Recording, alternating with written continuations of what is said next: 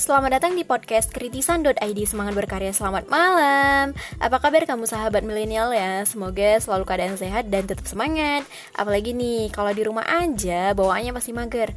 Nah biar magernya berfaedah Mending dengerin podcast aja yuk.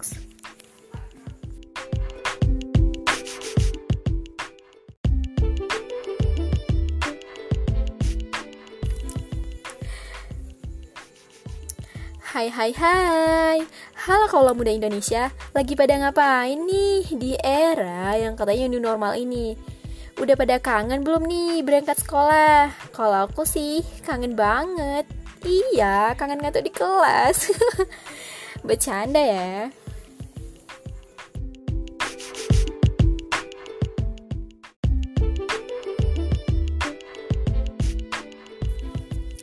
Nah, teman-teman, tahu nggak sih? Iya, tahu temannya tempe itu.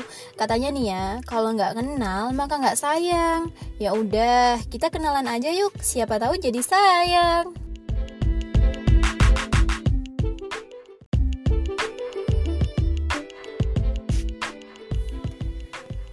Kenalin, nama aku Dian Fitriani Padang, mahasiswa semester 7 dari Universitas Simalungun, Sumatera Utara yang tentunya yang hobi rebahan.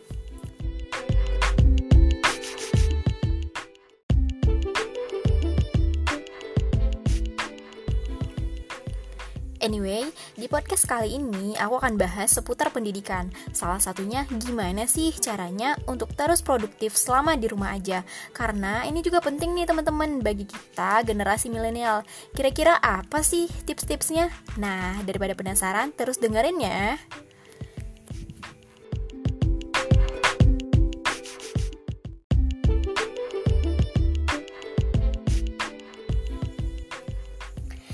By the way, menyinggung soal milenial, berdasarkan informasi yang aku dapat dari website Republika, katanya nih ya, kalau generasi milenial itu dianggap spesial nih karena sangat berbeda dengan generasi sebelumnya, apalagi bidang teknologinya, informasi, dan komunikasi.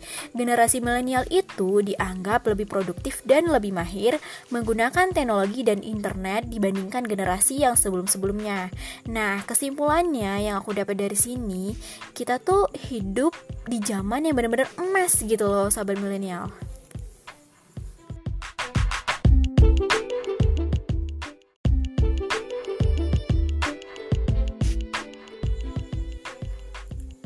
Akan tetapi, setelah munculnya wabah pandemi coronavirus 19 di Indonesia, diberlakukanlah yang disebut dengan namanya PSBB dan mengakibatkan segala aktivitas kita tuh sebisa mungkin untuk dilakukan di rumah aja.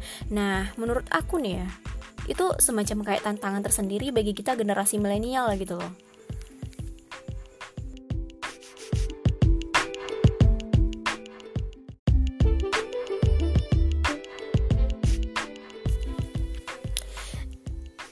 dan jujur aja nih ya ini ceritaku pribadi.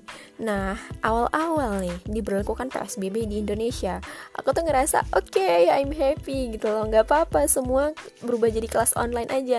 Jadi tiap pagi tuh aku nggak perlu buru-buru mandi nggak perlu buru-buru bangun tidur.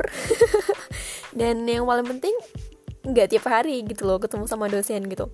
Tapi itu realita nggak sesuai ekspektasi gitu loh. Kenapa karena bener-bener bosen ternyata. Kenapa nih? Banyak banget waktu kosong aku yang kebuang sia-sia dan aku bingung mau ngapain gitu.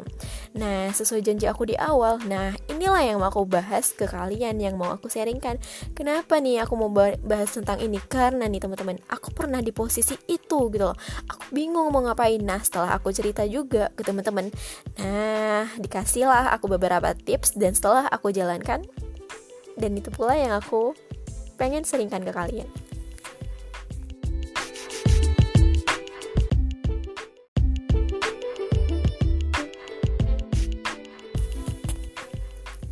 Nah, langsung aja nih teman-teman, kita bahas tips untuk tetap produktif selama di rumah aja.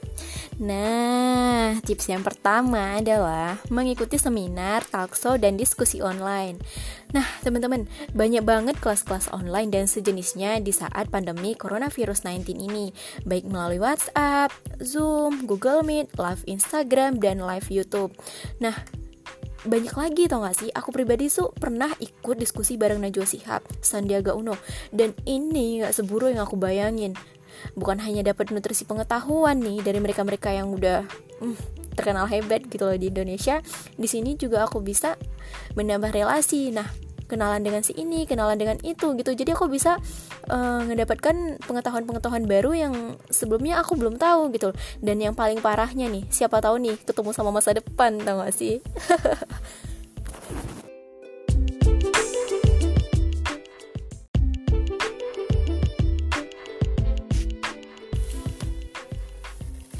Dan tips yang kedua adalah berkarya melalui media online. Wow, sebagai generasi milenial nih teman-teman, kita tuh nggak boleh kehabisan akal untuk menjadikan kita lebih baik lagi. Mungkin physical social distancing itu badan kita yang di rumah tapi hati kita tuh ke mana-mana ya nggak sih nah dan sebagai generasi milenial itu uh, kita punya moto bahwa hari ini harus lebih baik dibandingkan hari kemarin, ya gak sih? Nah, dengan cara kita mengikuti berbagai kompetisi-kompetisi online, nyatanya sangat bermanfaat loh. Selain mengasah kreativitas, kita juga bisa mendapatkan pengalaman baru. Misalnya nih, kita mengikuti lomba podcast. Nah, kalau kita suka di bidang ini, membuat video kreatif pencegahan COVID-19, membuat tutorial masak, atau bahkan melatih public speaking kita melalui media sosial dengan cara mengikuti diskusi-diskusi online online dan lain sebagainya, bahkan menjadi pemateri di seminar-seminar minimal tingkat organisasi yang kita ikuti di offline sebelum-sebelumnya.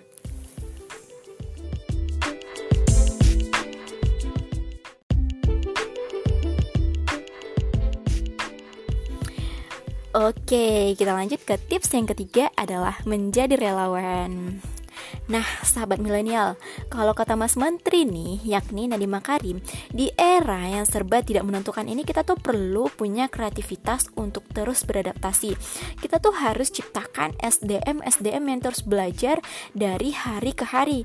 Ibarat kata growth mindset individually gitu loh. Itulah sebabnya kompetisi pengajar perlu ditingkatkan secara berkala melalui banyak pelatihan yang di mana nih uh, evaluasi dilakukan secara holistik.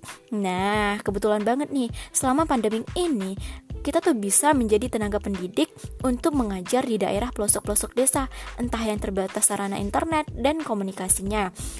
Dan di situ kita bisa bermanfaat juga nih, alhamdulillah, dan kita bisa memotivasi mereka gimana pentingnya pendidikan ini bagi mereka gitu. Jadi anak-anak di sana terus uh, teredukasi gitu loh. Dan kalau semisal kita nggak bisa dan terbatas gitu untuk pergi ke daerah-daerah pelosok minimal kita tuh ngajar anak-anak tetangga gitu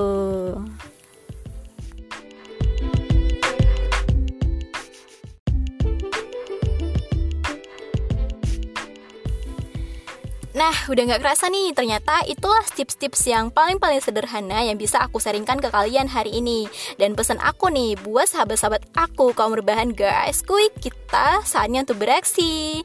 Saya Dian Fitriani Padang pamit undur diri, terima kasih, semoga bermanfaat ya.